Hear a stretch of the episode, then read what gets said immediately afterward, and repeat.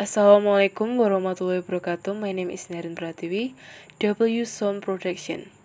Phrasing and intonation. Number 4.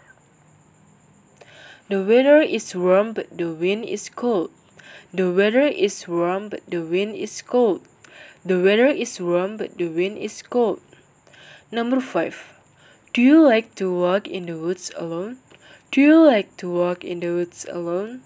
Do you like to walk in the woods alone? Number 6. I waited a week for them to fix my watch. I waited a week for them to fix my watch.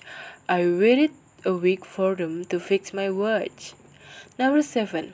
William has a new wristwatch which he bought in Woolworths. William has a new wristwatch which he bought in Woolworths. William has a new wristwatch which he bought in Woolworths. Number 8. What are you watching through that window? What are you watching through that window? What are you watching through that window? Number 9. I'm watching those workmen argue with one another. I'm watching those workmen argue with one another. I'm watching those workmen argue with one another. Number 10. Although Wednesday was a cold, windy day, we all went to the wedding. Although Wednesday was cold, windy day, we all went to the wedding. Although Wednesday was cold, windy day, we all went to the wedding.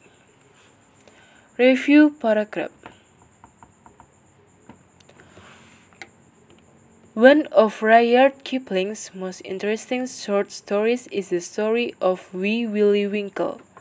Wee Willie Winkie was a small boy whose real name was Percival William Williams. The word wee, of course, is an old Scottish word meaning very small. Wee Willie Winkie was given this name by the soldier not only because he was small, but because he was a great favorite of all the men in the regiment.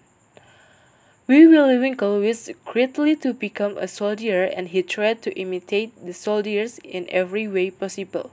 But one day, Wee Willie Winkie performed a wonderful deed. He saved a woman from capture by warlike natives, watching over her until relief came, and in this way won the well deserved approval of everyone in the regiment.